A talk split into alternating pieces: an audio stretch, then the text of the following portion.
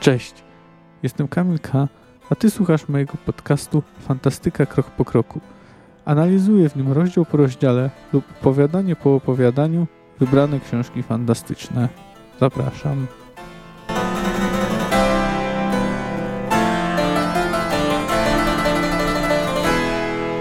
Cześć. No i przyszedł czas na podsumowanie y, wieży jaskółki, czyli już y, czwartej pozycji w Stadze Wiedźmińskiej, którą omawiam, no a ogólnie y, szóstej, licząc dwa tomy opowiadań. Ta pozycja dość znacząco różni się od poprzednich części i pod względem konstrukcji, a także pod względem rozmiaru. To znaczy, jest wyraźnie dłuższa od poprzednich książek. O ile one miały pełna, nie miały więcej 400 stron, to ta ma niemalże 500. E, a także e, trzy poprzednie książki miały po 11 rozdziałów, po 7 rozdziałów, a Wiesza Jaskółki ma ich 11. No dodatek Mamy tutaj y, chyba najmniej Geralta z dotychczasowych pozycji. Y, generalnie Ciri jest y, nawet trochę więcej. Można powiedzieć, że staje się niemalże y, na równi z Wiedźminem y, główną bohaterką książki. Oczywiście była istotną postacią od początku, y, ale występuje, ale występuje coraz więcej. Śledzić, możemy śledzić jej losy w coraz większym stopniu, ponieważ no, po prostu jest, jest, jest, jest zwyczajnie w książce występuje coraz częściej. To jest niezła książka, natomiast jest chyba mm, najsłabsza z tych, które dotychczas omawiałem i zwłaszcza jeśli się weźmie pod uwagę, że to ma być przedostatnia pozycja sagi, czyli która powinna przygotować historię do zakończenia. Tymczasem e, wprowadza ona trochę nowych wątków, i to w taki sposób, że ich satysfakcjonujące dokończenie w Pani Jeziora w niektórych przypadkach okazało się niemożliwe. No ale zacznę od e, streszczenia. Ciężko ranna Ciri trafia y, koło chaty pustelnika o imieniu Wysogota. On ją znajduje, zajmuje się jej ranami, y, aczkolwiek no, na twarzy pozostaje jej bardzo brzydka blizna. Y, Ciri po jakimś czasie odzyskuje przytomność, i, a później sprawność fizyczną. No tutaj już od pierwszego, od ich pierwszej rozmowy dość znacząca jest niezgodność co do dat. Zdanie Wysogoty mogło być zranione co najwyżej dzień wcześniej, według Ciri y, raniono ją cztery dni wcześniej. Dziewczyna zaczyna opowiadać mu swoją historię. No i właśnie teraz cof następnie cofamy się w czasie. Szczury opanowały stację y, pocztową, przybywa tam Hotspur. On pełni rol, rolę łącznika pomiędzy nimi a gildią kupiecką. Hotspur zdradza, że ktoś wynajął na nich Bonharta łowcę nagród. Oferuje im amnestię, wejście pod skrzydła gildii kupieckiej, y, co pozwoli uniknąć tak Bonharta, jak i rekrutacji do armii, czego efektem byłoby skorzystanie z nilfgaardzkiej amnestii bez pomocy gildii. No tutaj istotne, że ta amnestia została ogłoszona przy okazji rzekomych zaręczyn cesarza Emyra z Cyrilą z Cintry. No co oczywiście wywołuje mm, dość żywe emocje u Ciri. Giselher odpowiada, że rozważał propozycję. Hotsporn odjeżdża, wcześniej tylko szczególnie jeszcze raz szczury i mówiąc im, że Bonhart jest naprawdę niedaleko w osadzie zazdrość. Oczywiście doskonale e, zdaje sobie sprawę, że e, tam pojadą.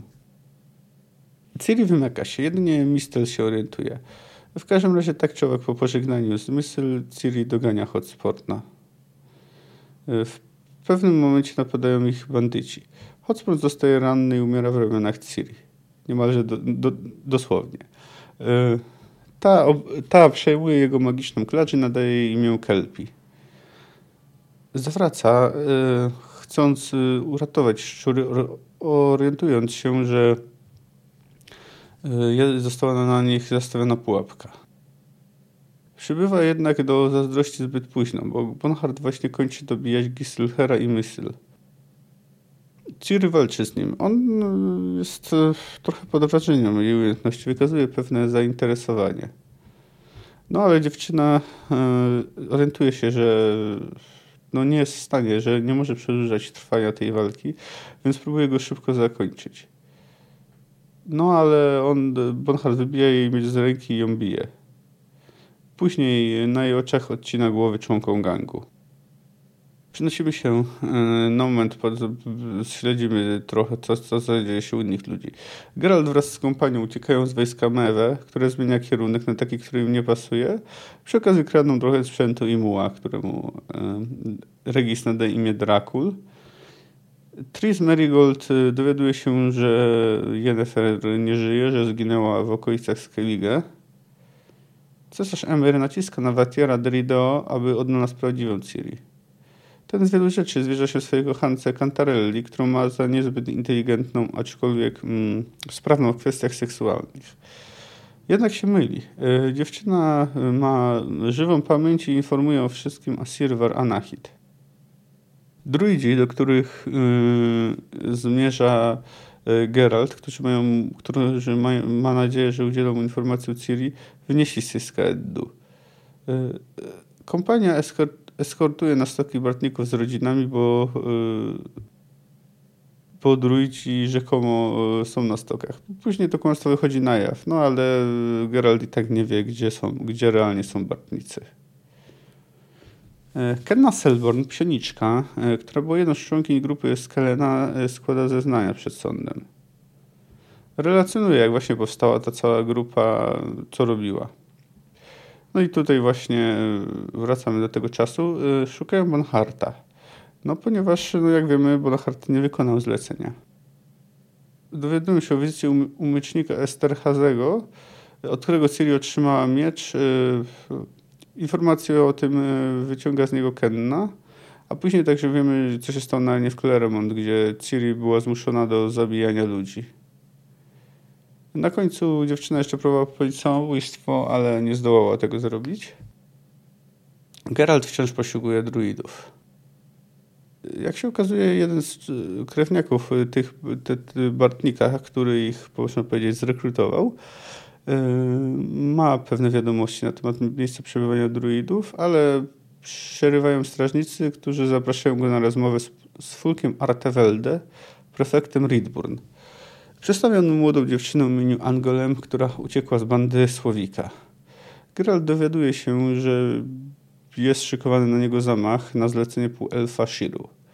Zawiera z Fulkiem układ. Y, on pozbędzie się bandy, a w zamian za to Fulku nie będzie go wypytywał, pozwoli im przejść do Tusson i pozwoli na przyłączenie do jego kompanii, czy też, jak to później zostaje nazwane, Hanzy Angolem. Przy okazji Geralt dowiaduje się, że druidzi aktualnie są w Toussaint e, pod opieką księżnej Anarietty. I zasadzka na nich była zaplanowana w, w tamtym miejscu, co można powiedzieć, że ten, kto ją planował, e, lepiej od niego wiedział, gdzie są druidzi. Na jednym z postołów Geralt oskarża Kahira o zdradę, e, no, co doprowadza do bójki, której kres kładzie interwencja Milwy. Potem Wiedźmin przeprasza chłopaka, stwierdzając, że to zapewne Yennefer. Nie wymienia jej y, imienia, ale wiadomo, że chodzi o nią. Y, zapewne doprowadziła półelfa na ich ślad, współdziałając w zmowy z Lgeforcem. Angolem Geralt i Kahir szukają półelfa. Y, w końcu go znajdują, decydując się na maskaradę. Udają, że to oni zabili Wiedźmina. Geralt jako dowód wręcza mu swój medalion. Ale wie, ale kim on jest. E, pojawia się grupa zbrojnych składająca się po części z nilfgaardzkich żołnierzy, a po części z bandytów Słowika. Jak się okazuje, Słowik jest, e, zawarł układ z tutejszym kapitanem, który go nawet formalnie wynajął na służbę. No, perspektywy rysują się dla Geralta Kachian golem źle. E, wydaje się, ale przygotowania do ich egzekucji przerywa tak partyzantów z organizacji Wolne Stoki. Udaje im się wymknąć. Kahir jest ranny w głowę. E, decydują się, Geralt decyduje, że on z Kahirem się ukryją, a Angolem ma pojechać przodem i dołączyć do pozostałych członków grupy. E, gdy rozmawia z e, chłopakiem, ten wyznaje mu, że jest zakochany Ciri. Oczywiście nie w tym dziecku, jakie poznał, ale w tej, jakie pojawia się w jego snach. Dorosła. Na drodze spotykają Regisa. Ten mówi, że pozostali są pod opieką kręgu druickiego, któremu aktualnie przewodzi jego znajoma z Flaminiką. Informuje Geralta, że musi wejść bez broni pod górę Gorgonę i na dodatek sam. Wiedźmin ma zrozumiałe obiekcje, bo wie, co jest pod górą Gorgoną. No i faktycznie czekają tam na niego różne stwory i potwory, ale w końcu na życzenie mieszkającego w jaskini elfa przepuszczają go. Elf ma na imię Awallach. Tworzy właśnie malowidło które ma ukrywać e, elfi cmentarz. Przy okazji mm, jest też dość zabawna scena, że Geralt jeszcze proponuje, żeby domalować wielkie penisy łowcom, co elf uznaje za znakomity pomysł. Później, gdy przychodzą na cmentarz, elf opowiada Geraltowi o starszej krwi, o Kregenanie i Larze Doren. Na koniec mam mu pokazać Ciri, ale Geralt wcześniej widzi, że jego towarzysze są w niebezpieczeństwie, więc mówi, że musi natychmiast wracać do, Elf zwraca uwagę, że nie ma szans, żeby dotarł szybko do lasu Myrkwit, przynajmniej na koniu. No to podróżuje o pukaczu, czyli takiej śmierdzącej odmianie kobolda, który na dodatek jest pijany. No ale pomimo tego, że jest to podróż dość ekstremalna, no to do, dociera na miejsce w, w, odpowiednim momencie. Szybko natyka się na trupy i zbójców. E, w walce, w walce właśnie z tymi zbójami pomaga mu błędne rycerstwo Stusą. Udaje mu się dotrzeć do swoich towarzyszy. Ale bandyci uciekają do części lasu wydzielonej dla druidów, gdzie rycerze nie chcą iść, ponieważ um, księżna Narietta zawarła układ um, z, z druidami i że tam ma nikt nie, nie wstępować. No dobrze, y, ale no to w takim razie Angolem, Milwa y, i Geralt wkraczają do tego lasu. Y, no, przez moment porywa ich taki drzewny potwór, ale Geraltowi udaje się wytłumaczyć, kim jest Flamenice. No natomiast kobieta, zgodnie z mitami, które narosły naokoło druidów, pali właśnie w takiej klatce między innymi Shiru i Słowika. Geralt chce ją powstrzymać, ale to się nie dzieje. Czyli chociaż Geralt uzyskał pewne informacje o Ciri, no to generalnie wciąż nie wie, gdzie, gdzie ma zmierzać. Dijkstra odwiedza Kowir. Sytuacja wojenna jest niewesoła. Po, zaj- po zerwaniu rozejmu z Temerią wojska cesarskie dotarły pod Maribor. E, szpiega, zamiast jak się spodziewał ministra spraw e, e, zagranicznych, wita sam król Esterat Tyson. Rozmawiają.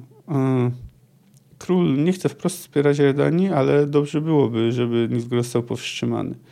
Udaje mu się na tym sprawić, że hierarcha Nowigradu e, jakby finansuje armię Jordanii w zamian za udział w akcjach spółek zamorskich, no, w których sporą rolę odgrywali ją e, kupcy. Drugim pomysłem też e, który też został mu jakby nasunięty przez jego żonę, Zulejkę, e, wypusz- decydują o wypuszczeniu z więzieniu e, wielu ludzi, e, którzy mają sformu- sformu- sformować najemniczą armię. Tutaj warto zwrócić uwagę, że żona Esterada, Zulejka, pozostaje w kontakcie z silą de Tankerville, więc no, która, których pl- planem loży jest, żeby mm, Ciri wyszła za królewicza Koiru Tankreda. Natomiast wie też wiele o planach Nilfgaardu, ponieważ e, no, Watyr niemal wszystko mówi Cantarelli, a to czego nie mówi to na, może obejrzeć mapy, gdy, gdy on śpi. Trochę się cofamy w czasie, e, ponieważ e, Dijkstra jest teraz twierdził, że Yennefer nie żyje, a tutaj mamy ją jak najbardziej żywą. Jest na Skellige. Obserwuję, jak drakary wpływają do portu. Na jednym z nich jest y, y, Jarl Krach Ankreid. Y, początkowo planują odesłać do Nowigradu, gdzie będzie sądzona, ale ona powołuje się na wiążącą go przysięgę. Podczas rozmów z Krachem dowiaduje się m.in. trochę o dzieciństwie Ciri. Czarodziejka chce zbudować megaskop, ale do tego y, to jest takie urządzenie, które pozwoli się magicznie porozumiewać na odległość, ale do tego potrzebuje ogromnego kryształu. Jedyny taki na Skellige znajduje się w świątyni bogini Frey. No cóż, y, kapłanka, główna kapłanka Sigdrifa przyjmuje jej życzliwie, no ale mówi, że to niemożliwe, niemniej proponuje jej udział w modlitwie, że może bogini się zgodzi. Podczas tej modlitwy Nefer zasypia i ukazuje jej się właśnie bogini Freya. E, widzi tam serię wizji, częściowo jest torturowana, częściowo widzimy sceny z jej dzieciństwa, z przeszłości, a gdy odzyskuje przytomność, to właśnie ten kryształ znajduje się na ziemi. Jennifer od tego czasu przenosi się do świątyni, kontaktuje się z różnymi ludźmi. Ostatni raz łączy się z Tris Marigold, której towarzyszy Filipa Eilhart. Y, prosi, żeby chociaż zrehabilitowano ją nie w oczach świata, to w oczach Wiedźmina, ale Filipa odmawia, ponieważ nie leży to w interesie loży, tak jak nie leży ratowanie Geralta. Czarodziejka prosi o dwa drakary i chce, żeby załogę stanowili sami ochotnicy. Wypływa jednym z nich, gdy drugi pozostaje w pełnym staje się na głębiu sedny, czyli miejsce, gdzie zginęli Pawetta i Duny, a także wiele innych statków. Drakar jest uniesiony w powietrze. E, e, jak się wydaje, nikt nie przeżywa. Na chwilę e, wracamy do Kenny. Przyczynia się ona do złapania szpiegującego naokoło działu Ryansa. Ewentualne tortury przerywa pojawienie się Bonharta. Na dodatek później się okazuje, że Ryans dysponuje takim magicznym puzderkiem, czyli ksenoglozem, z którego słychać głos Wilgefortza. Negocjuje on wydanie mu Ciri z Bonhartem i Skelenem. Bonhartowi obiecuje pieniądze i możliwość obserwowania tego, co będzie robił z Ciri. No ma zamiar hmm, wykorzystać jej łożysko w jakiś sposób, które jak rozumiem ma mm, sprawić, że stanie się potężny. A Skelenowi informacje, które pozwolą mu zdobyć wpływy i które sprawia, że uzyska większe znaczenie w spisku przeciwko Emerowi. Kenna y, próbuje odczytać myśli Ciri, ale ta jej nie pozwala. Wybuch, wy, wypycha ją ze swojej głowy i wykorzystuje tą wręcz wręczoną, można powiedzieć, jej moc y, i ucieka, choć wcześniej y, Skelen trafia ją w policzek Orionem. No dobrze, no więc Sirius zdecydowana i wyleczona, że żegna się z Wesogotą. Stwierdza, że musi mm, musi dotrzeć do wyżej jaskółki przed, y, przed zimą. Zakłada, że teleportuje ją do Natanet. Wcześniej jeszcze wpada do karczmy y, w Dunder, gdzie jak wie y, znajduje się jeden z posterunków, którego członkowie mają się na nią czaić. Zabi, zabija czterech, czterech członków grupy Skelena. Ciri zbliża się do jeziora Miltrachta, ale pogoń wciąż za nią podąża. E, jednak Kenna wraz z trzema innymi osobami odmawia dalszej jazdy. Ścigające dziewczyny wkraczają do, na jezioro. Ryan wspomina, jak to Yennefer kiedyś podał w ręce Wilgefortza, jak ten ją torturował i jak nie udało mu się wyciągnąć lokalizacji Ciri, ale zdobył wiadomość o, o lokalizacji Geralta. E, wykorzystując tak zwaną e, matrycę empatyczną. No czyli jak więc widzimy, e, Geralt miał rację poniekąd, bo to faktycznie dzięki Yennefer Wilgefortz go zlokalizował, ale nie udzieliła nam mu tych informacji z własnej woli. Ciri świadomie wciąga e, ścigających ją w pułapkę. Zakłada łyżwy i później wyłania się we mgle, e, zabijając poszczególnych ludzi. Te łyżwy należały do córki Wysogoty. Zabija m.in. Ryansa. Bonhart wciąż ją ściga. Gdy widzi zamiast wieży tylko kupę kamieni, wydaje mu się, że wygrał, że dopadnie dziewczynę, ale jedna w końcu wieża się pojawia. Ciri wchodzi do niej. Najpierw widzi kości, potem różne wizje, w tym yy, po raz ostatni rozmawia z Wysogotą, który w końcu mówi jej, że zrozumiał, że ona jest po prostu mm, panią światu, że po prostu ma władzę nad czasem, a na końcu wit wita ją nowy świat i elf grający na fletni. Tak, no to wspominałem już oczywiście o objętości wieży jaskółki. No i nawet jej, jej streszczenie także zajęło mi dłużej niż streszczenie pozostałych książek. No i tutaj mamy bardzo mocno zaburzoną chronologię. Oczywiście zdarzyło się to już wcześniej, ale tutaj mamy bardzo dużo takich, takich przeskoków czasowych. No, wystarczy na przykład wspomnieć to, że gdy Esterat i Dijkstra dyskutują o martwej Yennefer, to zaraz później Oczywiście wiem, że nie zginęła, no ale nawet to wydarzenie i rzekoma śmierć e, stanęł, staje się jakby w książce jest później. No tutaj można, może chodzić też o to, żeby mm, żeby było wiadomo, że e, że zginęła, to znaczy, żeby nie było jasne jeszcze, że przeżyła. W mojej opinii jest to najsłabsza książka ze wszystkich, które omawiałem. E, nie, że jest, ale nie jest słaba. Jest w niej sporo ciekawych rzeczy, sporo ciekawych elementów, także dyskusje skłaniające do myślenia. Mm, ale moim zdaniem ona trochę zawodzi na poziomie koncepcyjnym, jako kontynuacja, e, kolejna część sagi. Oczywiście to jest dość typowe, że im dłużej trwa dana seria, tym często kolejne części są coraz dłuższe. To nawet w tej pieśni Lodu i Ognia widzimy, gdzie kolejne części się rozrastają, no ale tutaj jest często problem taki, że George Martin zupełnie stracił kontrolę nad historią. U Sałkowskiego aż tak źle nie jest. Y, raczej miał koncepcję tego, jak to ma się wszystko skończyć. No ale jednak um, uwzględniając to, że Ciri dopiero teraz trafia do świata ANL, że Geralt wciąż jej nie zna, że czeka go pobyt w Tucson, no, że trzeba jeszcze zamknąć wojnę, no to zamknięcie wszystkich mm, wątków, jakie zostały otwarte, będzie dość trudne. No i ale to już może mówię przy Pani Jeziora. E, cała ta struktura książki, tak jak mówiłem, jest dość e, specyficzna, no i nie wiem, czy cała ta mm, zaburzona chronologia musiała, była konieczna.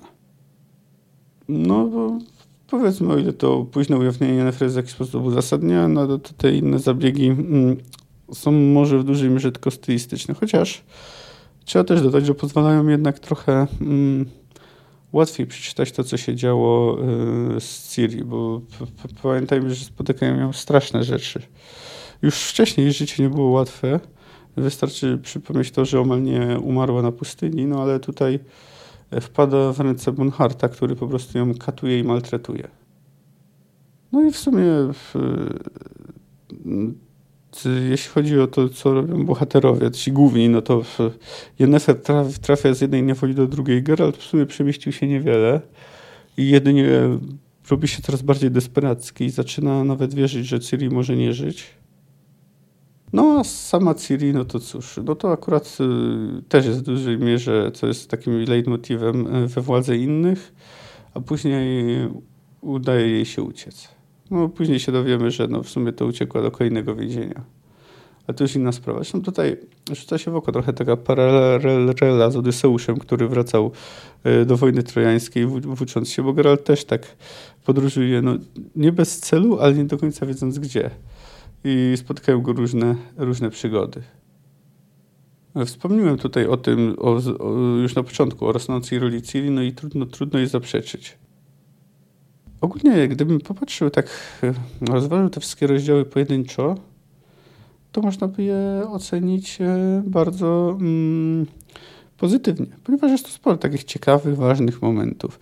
Natomiast mm, całościowo trudno nie uznać, że książce y, czegoś brakuje, I, ale zdarzają się też dużyzny. Tutaj wydaje się, że zwłaszcza fragmenty y, z Kenną są nieco przydługie i w sumie niewiele wnoszą do historii. Oczywiście chodzi o to, żeby śledzić, y, co tam się dzieje u, u Skelena, ale no znowu nie dowiadujemy się tak dużej ilości nowych informacji. No, jeśli chodzi o, o, o przemiany postaci, to w zasadzie no, największej ulega Ciri. No, na początku książki jeszcze wciąż będzie szczurów, czyli mm, moralnie kiepskim miejscu, zabijanie e, sprawia jej przyjemność. Później wpada w łapy Bonharta, gdzie tu w ogóle trudno mówić cokolwiek o moralności. E, skoro e, jest po prostu no, po prostu nie jest we władaniu własnym losem. No tu zresztą ten motyw, o którym wspominałem już kilka razy, który jest kluczowy w Ciri, czyli jej ta autonomia, prawo do decydowania o własnym losie. Sama Gorzko wspomina, że jest go pozbawiona z rozmowy z Wysogotą, gdy mówi, że ona jest tylko legenda. Gdy pustelnik mówi jej to o wieży jaskółki, że to też tylko legenda.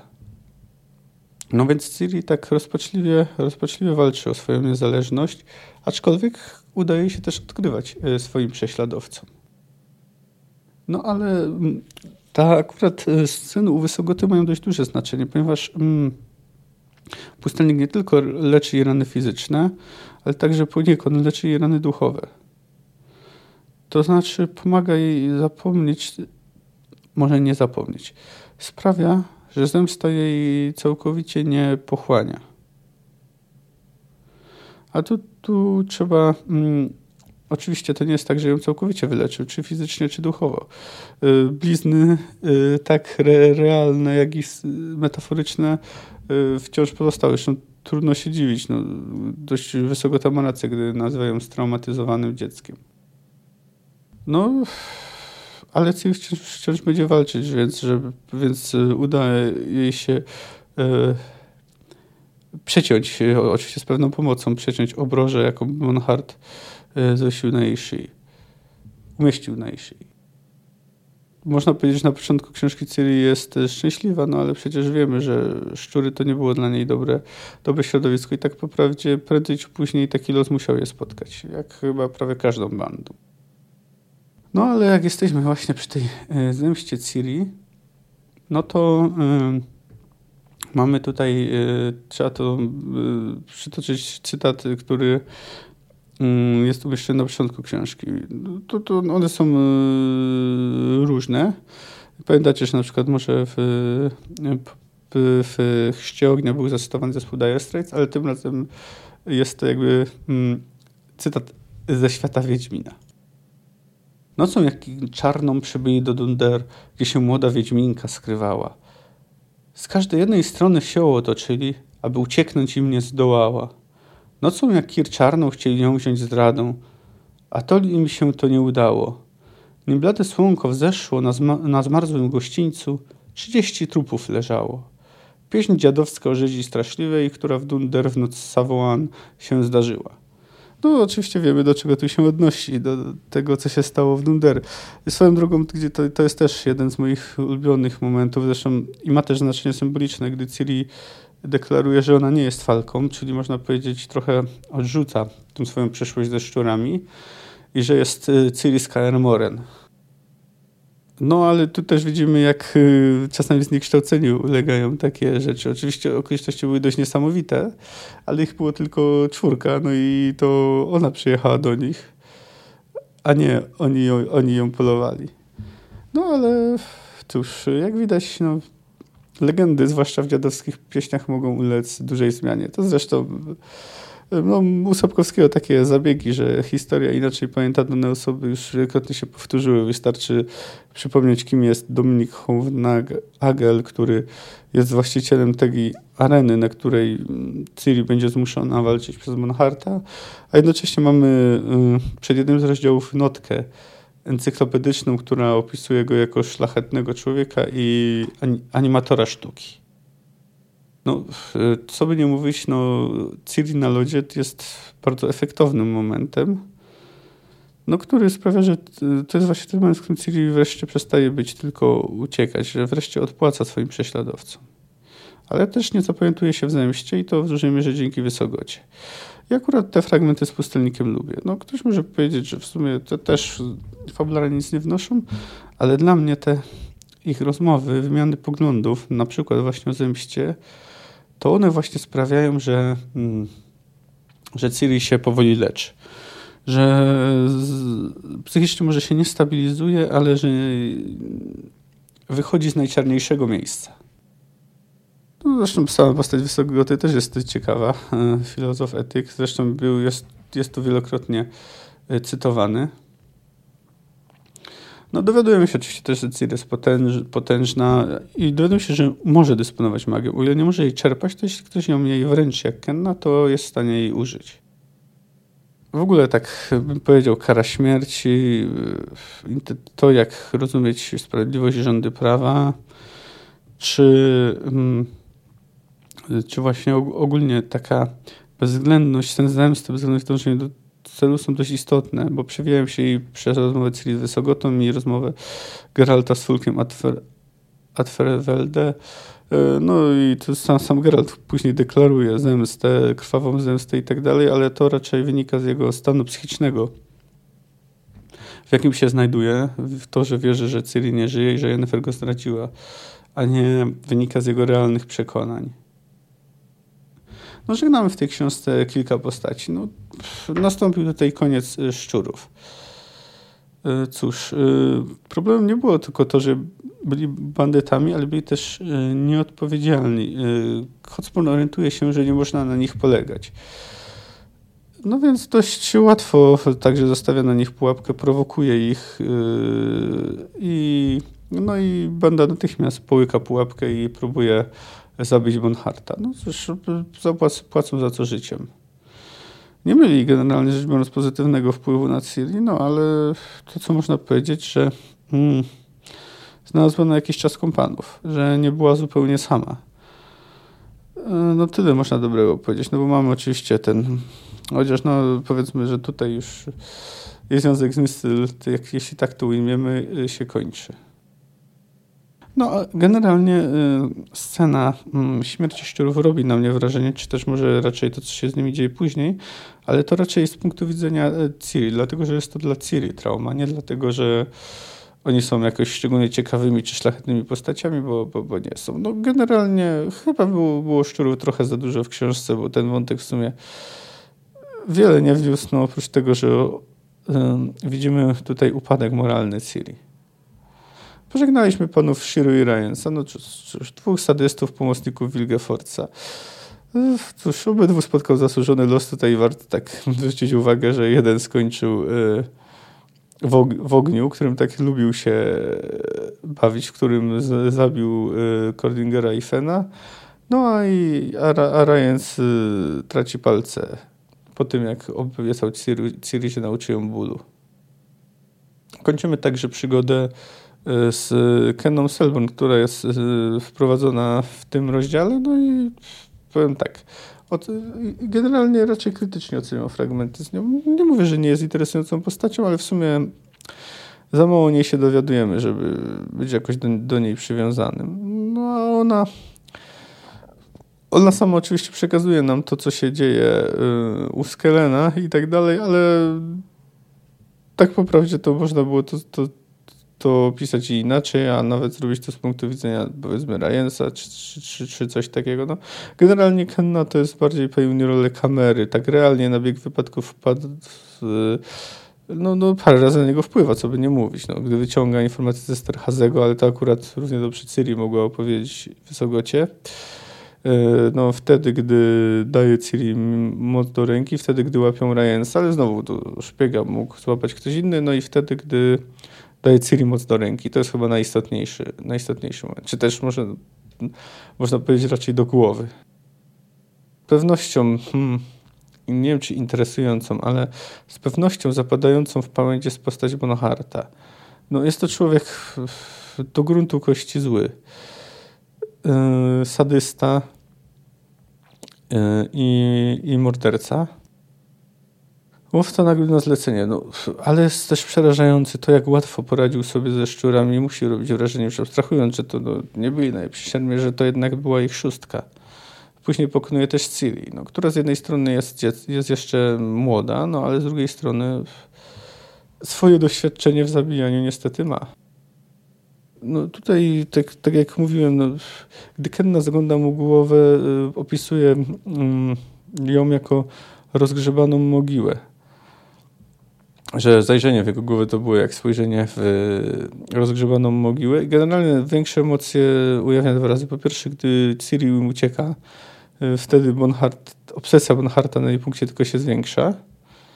No i jeszcze raz, gdy umiecznika, gdy umiecznik Esterhazy zachęca dziewczynę, żeby wzięła miecz.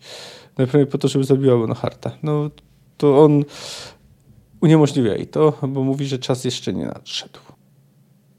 No poznajemy też motywy Kahira. Już od dawna wiedzieliśmy, że nie jest wcieleniem zła, no a teraz już jest nawet w pewien sposób sympatyczny, a z pewnością jest dzielny i odważny. No co do sytuacji politycznej, no to chociaż wojna generalnie na razie cały czas y, trwa na korzyść y, Nilfgardu, no to y, jesteśmy właśnie świadkami przełomu.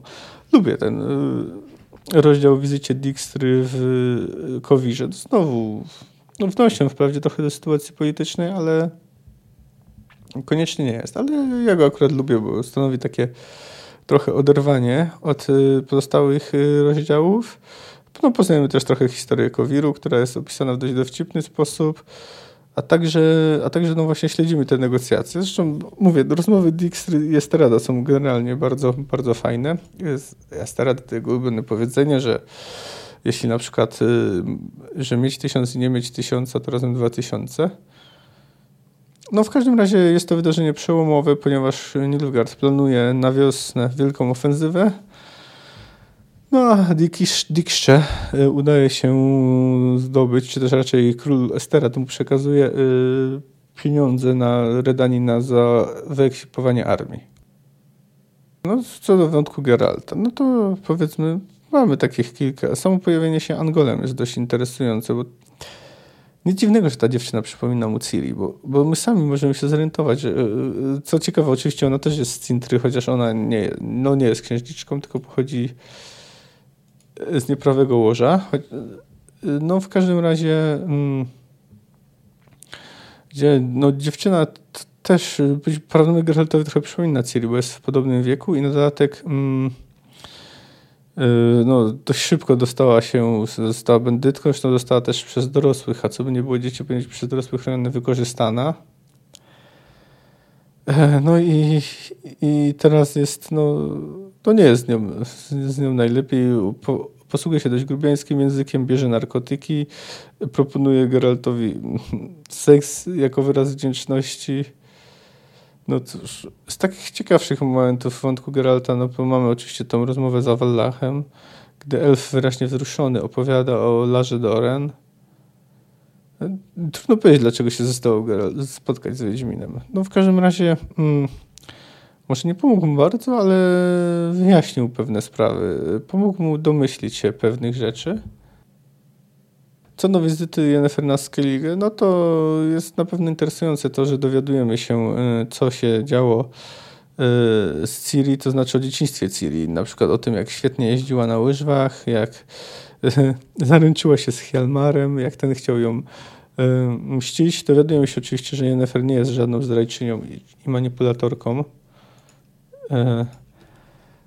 No generalnie, o ile dotychczas tak czytelnicy, nawet czytelnicy mogli ją odbierać, no to teraz mamy już jasne, że bez wahania y, pobiegła, y, mówiąc tak kolokwialnie, na ratunek Ciri. No tu przy okazji trudno nie wspomnieć o Tris i jej postępowaniu.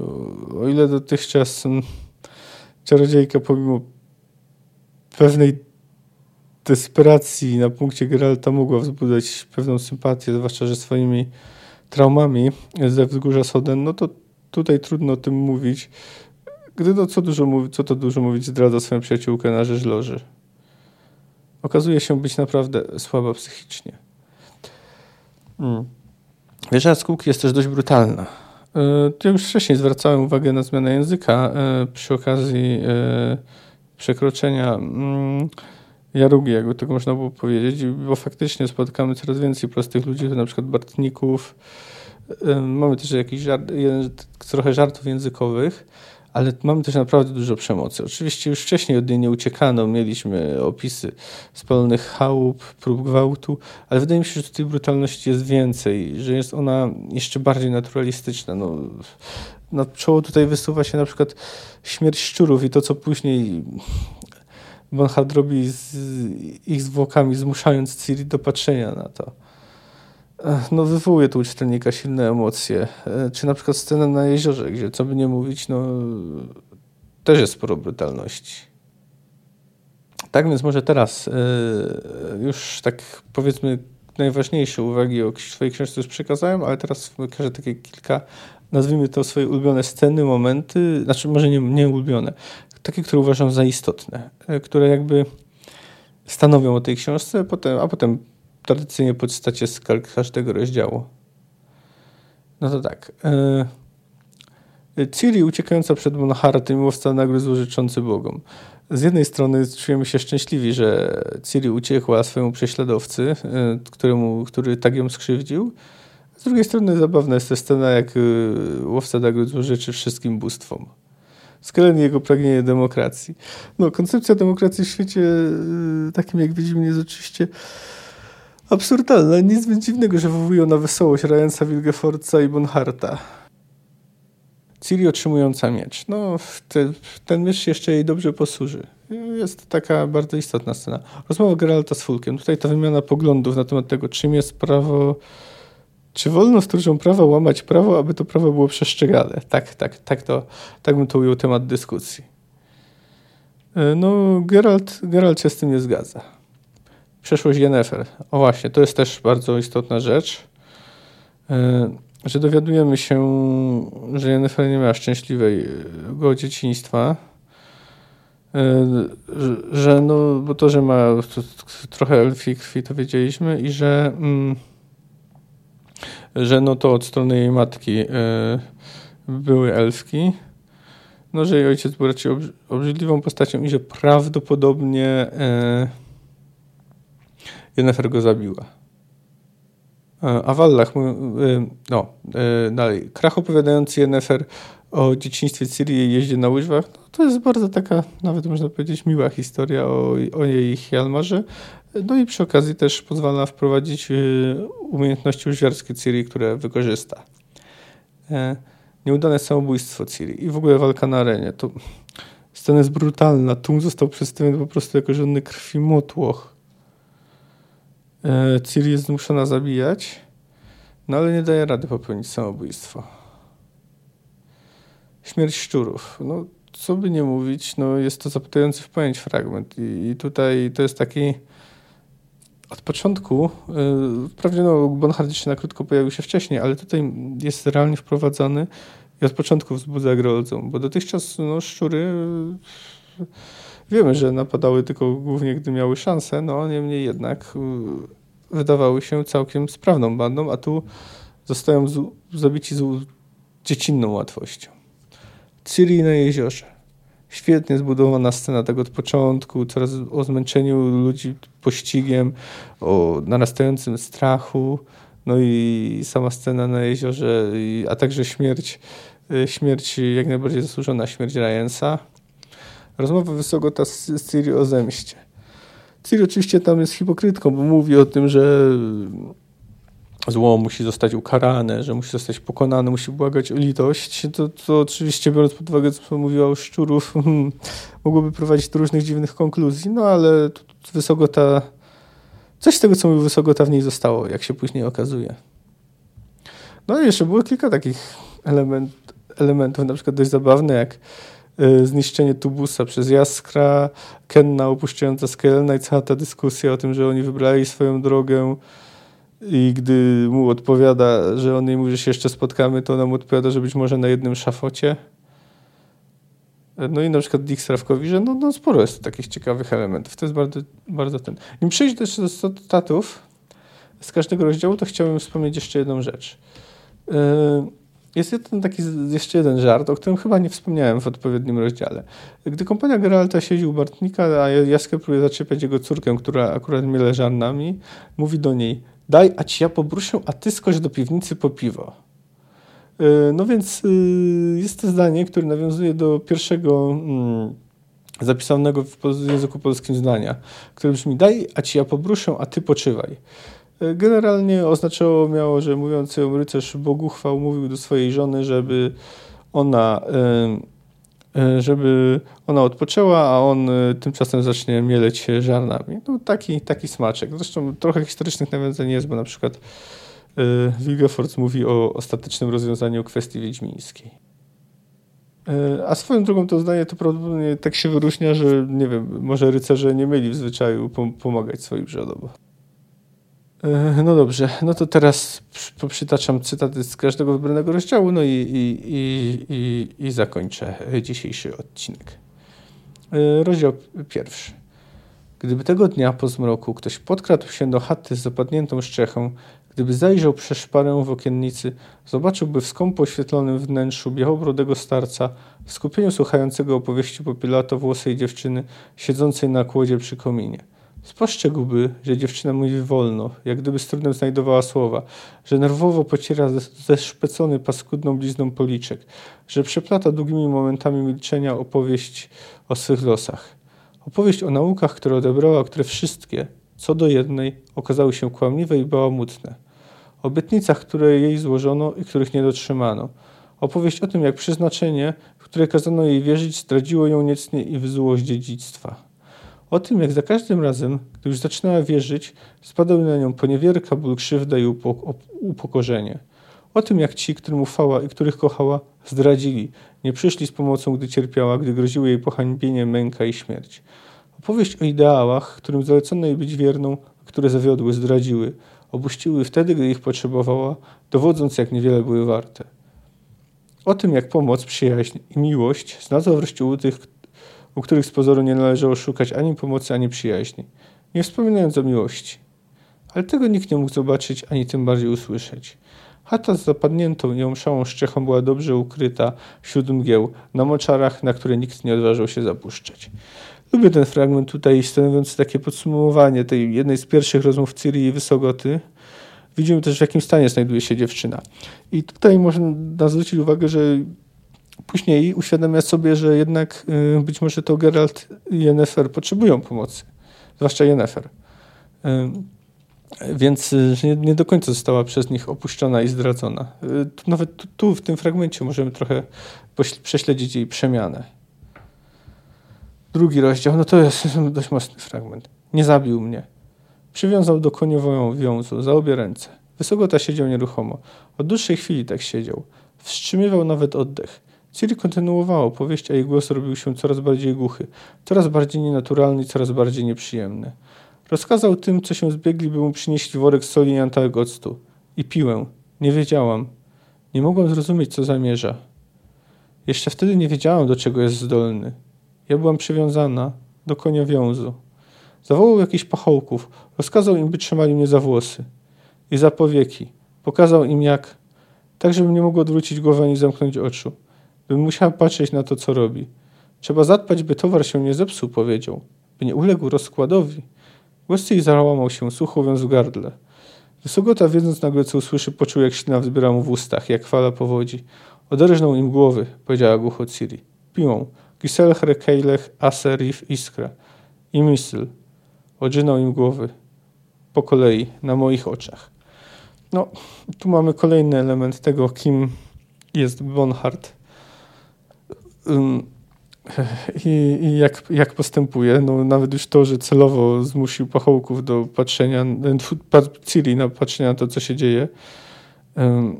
Wiele, wiele mówi o tym, kim jest i co go, e, co go bawi. No i cóż, no i mamy tutaj taki mm, epilog, koniec szczurów. Trzeci rozdział. Jednak uratował jej życie, sam powiedziałeś. Dzięki niemu Ciri uszła z Cintry cało i krzyczała po nocach, widząc go we śnie. Jednak to on ją uratował. Przestań rozpamiętywać, Geralt. Za dużo się zmieniło. Ba, co dnia się zmienia. rozpamiętywanie nie da nic oprócz zgryzot, które wyraźnie ci nie służą. On uratował Ciri. Fakt był, jest i pozostanie faktem.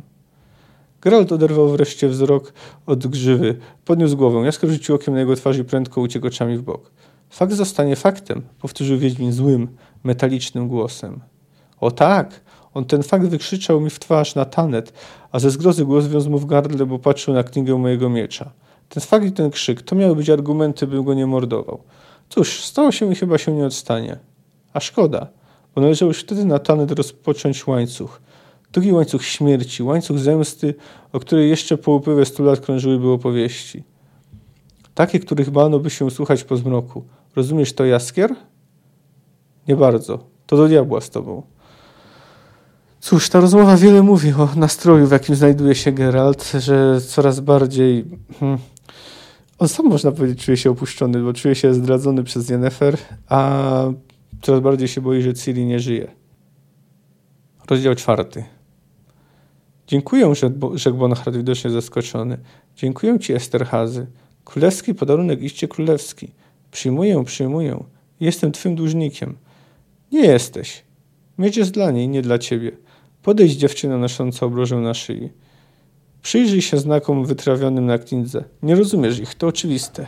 Ale ja ci je objaśnię. Spójrz. Linia wytyczona przez lozy skręta, ale wiedzie ku tej oto wieży. Ku zagładzie, ku zniszczeniu ustalnych wartości, ustalnego porządku. Ale oto nad wieżą, widzisz? Jest kółka. Symbol nadziei. Weź ten miecz. Niechaj wypełni się to, co ma się wypełnić. Siri ostrożnie wy wyciągnęła rękę, delikatnie pogładziła ciemny brzeszczot z jak lustra krawędziami. Weź go, rzekł powoli Esterhazy, patrząc na Ciri szeroko rozwartymi oczami. Weź go, weź go do ręki, dziewczyno, weź. Nie! krzyknął nagle Bonhart, podskakując, chwytając Ciri za ramię odpychając ją gwałtownie i mocno. Precz! Ciri upadła na kolana, żwir podwórza boleśnie zakłuł dłonie, którymi się podparła. Bonhart zaczasnął pudło. Jeszcze nie teraz, zawarczał. Jeszcze nie dziś. Jeszcze nie nadszedł czas. Najwidoczniej, przytaknął spokojnie Esterhazy, patrząc mu w oczy.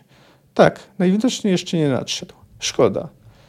No to tak, to jest właśnie jeden z tych momentów, o których wspomniałem, gdy Bonhart okazuje żywe emocje, ale tutaj warto wspomnieć ktoś sympatyczną, albo robiącą pozytywne wrażenie postać miecznika Esterhazego, który przynajmniej wymógł na Bonharcie, by dopóki Ciri jest u niego, nie nosiła obroży ze względu na y, szacunek do godności ludzkiej. Inna sprawa, że mówi też, no, że poza jego y, siedzibą może z nią robić y, co mu się podoba.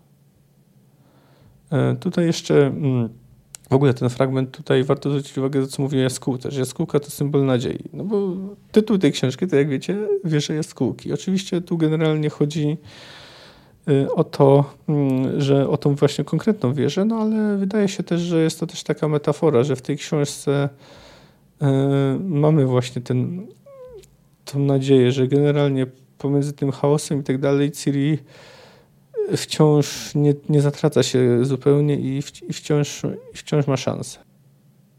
Rozdział piąty. Zwarli się znowu, przewrócili, poturlali, grzmocąc jeden drugiego, gdzie popadł, oślepieni przez ciosy i włażący do oczu kurz i piach. I nagle rozłączyli się, potoczyli w przeciwne strony, kuląc się i chronąc głowy przed świszczącymi razami. Milwa, odpasawszy z bioder gruby skórzany pas, chwyciwszy za klamrę, owinąwszy wokół napięstka, dopadła wojowników i zaczęła ich łoić, od ucha, z całej siły, nie żałując ni rzemienia, ni ręki. Pas świstał i z suchym trzaskiem spadał na ręce, barki i plecy i ramiona. Już to Kahira, już to Geralta. Gdy rozdzielili się, Milwa skakała od jednego do drugiego jak pasikonik, nadal piorąc ich sprawiedliwie, tak by żaden nie dostał ani mniej, ani więcej od drugiego. Wygup taki głupie! wrzasnęła z trzaskiem waląc Geralta przez plecy. Wy durnie durnowate! Ja was rozumu nauczę, obydwu! Już! Wrzasnęła jeszcze głośniej, smagając Kahira po rękach, którymi zasłaniał głowę. Przeszło wam? Uspokoili się? Już! zawołał Wiedźmin. Dość, dość! zawtórował zwinięty w kłębek Kahir. Wystarczy, wystarczy, powiedział wampir. Naprawdę już wystarczy, Bilwa. To jest, może nie wiem, czy to jest najważniejszy cytat z tego rozdziału, ale jest dość, dość zabawny. No i chyba wypadało tu jakiś cytat z Milwą przytoczyć. Tam później jeszcze e, Angolem się włącza i mówi brawo ciotka i co strasznie Milwę denerwuje. No ale później dziewczynę przeprasza na szczęście. Rozdział szósty. Najpierw poczuli dym, w chwilę później ujrzeli ognisko, a nad nim rożny, na których piekły się rozpłatane pstrągi. Ujrzeli siedzącego obok ogniska samotnego osobnika. Jeszcze całkiem niedawno Geralt wydrowiłby bezlitośnie wykpił i miał za totalnego idiotę każdego, kto śmiałby twierdzić, że on, Wiedźmin, dozna wielkiej radości na widok wampira. Oho, powiedział spokojnie Emil Regis Rochalek Terciew Goderoj, poprawiając rożny. Popatrzcie tylko, co też kot przyniósł. Bardzo taki, taki, taki, taki też, można powiedzieć, zabawny e, fragment. Podoba mi się. Siódmy rozdział. Twój medalion, Geralt, powiedziała stojąc obok niego Angolem. Słucham? Odchrząknął go, bo gardło miał ściśnięte. Co mówiłaś? Twój srebrny medalion z wilkiem. Siru go miał. Teraz już go straciłeś na amen. Stopił się w tym żarze. Trudno, powiedział po chwili, patrząc w bławatkowe oczy Flaminiki. Nie jestem już Wiedźminem. Przestałem być Wiedźminem. Na Tanet w wieży w Prokilonie, na moście nad Jarugą, w jaskini pod Gorgoną i tutaj, w lesie Myrykwit. Nie, ja już nie jestem Wiedźminem. Będę się więc musiał nauczyć obywać bez wiedźmińskiego medalionu. No, ta deklaracja Geralta ma pewne znaczenie, ponieważ no, cały czas nie pełni roli Wiedźmina, tylko jest na wyprawie ratunkowej. No i cóż, no i tu trudno jest zwrócić uwagę, że traci też sprawność fizyczną, chociaż no tu oczywiście głównie chodzi o, o jego odczucia, o jego mm, kondycję mentalną. Rozdział ósmy. No to te, te, takie podsumowanie z wizyty Dijkstry w Kowirze. Czytałeś kiedy dobrą księgę Dijkstra? Nie wasza królewska mość, ale wiem, co tam jest napisane. Ja wyobraź sobie, wczoraj tworzyłem na chybił trafił. I trafiłem na takie zdanie. Na drodze do wieczności każdy stąpać będzie po swoich własnych schodach, niosąc swoje własne brzemię. Co o nim myślisz? Czas na mnie, królu Esteracie, poranić własne brzemię. Bywaj w zdrowiu szpiegu, bywaj w zdrowiu królu. No to takie podsumowanie mm, wizyty Dijkstry w Kowirze, ich ostatnie pożegnanie, no bo cytat, no a oczywiście dość jasno nawiązuje do chrześcijaństwa. Rozdział dziewiąty. Janka, Janeczka, zabierz ode mnie tego garbatego potwora. Nie chcę na niego patrzeć. To twoja córka tak samo jak moja. Doprawdy? Dzieci, które ja spłodziłem są normalne. Jak śmiesz, jak śmiesz sugerować. To w twojej elfiej rodzinie były czarownice. To ty usunęłaś pierwszą ciążę. To przez to. Masz skażoną elfią krew i łono, kobieto. Dlatego rodzisz potwory. To nieszczęśliwe dziecko. Taka była wola bogów. To twoja córka tak samo jak i moja. Co miałam zrobić? Udusić ją? Nie podwiązywać powinny? Co mam zrobić teraz? Wyprowadzić ją do lasu i zostawić? Czego ty ode mnie chcesz na bogów? Tato, mamo, precz dziwolągu. Jak śmiesz, jak śmiesz bić dziecko? Stój, dokąd idziesz? Dokąd? Do niej tak, do niej. A tak, kobieto, jestem mężczyzną. Wolno mi zaspokajać rządzę gdzie chcę i kiedy chcę. To moje przyrodzone prawo. A ty mnie miezisz. Ty i owoc twojego zwyrodniałego żywota. Nie czekaj z wieczerzą. Nie wrócę na noc. Mamo, dlaczego płaczesz? Dlaczego mnie bijesz i odpychasz? Przecież byłam grzeczna. Mamo, mamusiu. No i tu jest właśnie e, ten właśnie fragment e, o dzieciństwie Nefer, który jak widzimy z pewnością nie było nie było szczęśliwe. No, swoją drogą tu też znaczący jest ten e, fragment o tym, że usunięcie pierwszej ciąży w jakiśkolwiek sposób splamiło tę kobietę. No, uwzględniając w, post, w usta jakiej postaci wkłada e, Geralt te słowa, e, wkłada autor te słowa, no to wydaje się, że można uznać za zabranie dość jasnego stanowiska w tej kwestii. Rozdział dziesiąty. Tak, pustelniku, w taki sposób zwalcza się zło. Jeśli zło chce wyrządzić ci krzywdę, zadać ci ból, uprzedź je. Najlepiej wtedy, gdy zło się nie spodziewa. Jeśli zaś nie zdołałeś zła uprzedzić, jeśli zostałeś przez zło skrzywdzony, to odpłać mu, to padnij. Najlepiej wtedy, gdy już zapomniało, gdy czuje się bezpiecznie. Odpłać mu w dwójnasób, w trójnasób, oko za oko. Nie, oboje oczu za oko. Ząb za ząb? Nie, wszystkie zęby za ząb. Odpłać złu. Spraw, by wyło z bólu, by od tego wycia pękły mu gałki oczne. I wtedy, przypatrzywszy Popatrzywszy na podłogę, możesz śmiało i pewnie powiedzieć: To, co tutaj leży, już nie skrzywdzi nikogo, nikomu nie zagrozi. Bo jak może komuś zagrozić, nie mając oczu, nie mając obu rąk? Jak może skrzywdzić, gdy go flagi włóczą się po piachu, a jucha w ten piach wsiąka? A ty, powiedział wolno pustelnik, stoisz zakrwawionym mieczem w dłoni, patrzysz na krew wsiąkającą w piach. I masz szczelność myśleć, że oto został rozwiązany ten odwieczny dylemat, osiągnięte zostało marzenie filozofów. Myślisz, że natura zła została odmieniona? A tak, powiedział buńczucznie, bo to, co leży na ziemi i broczy, to już nie jest zło. Może to jeszcze nie dobro, ale zło nie jest to już z pewnością.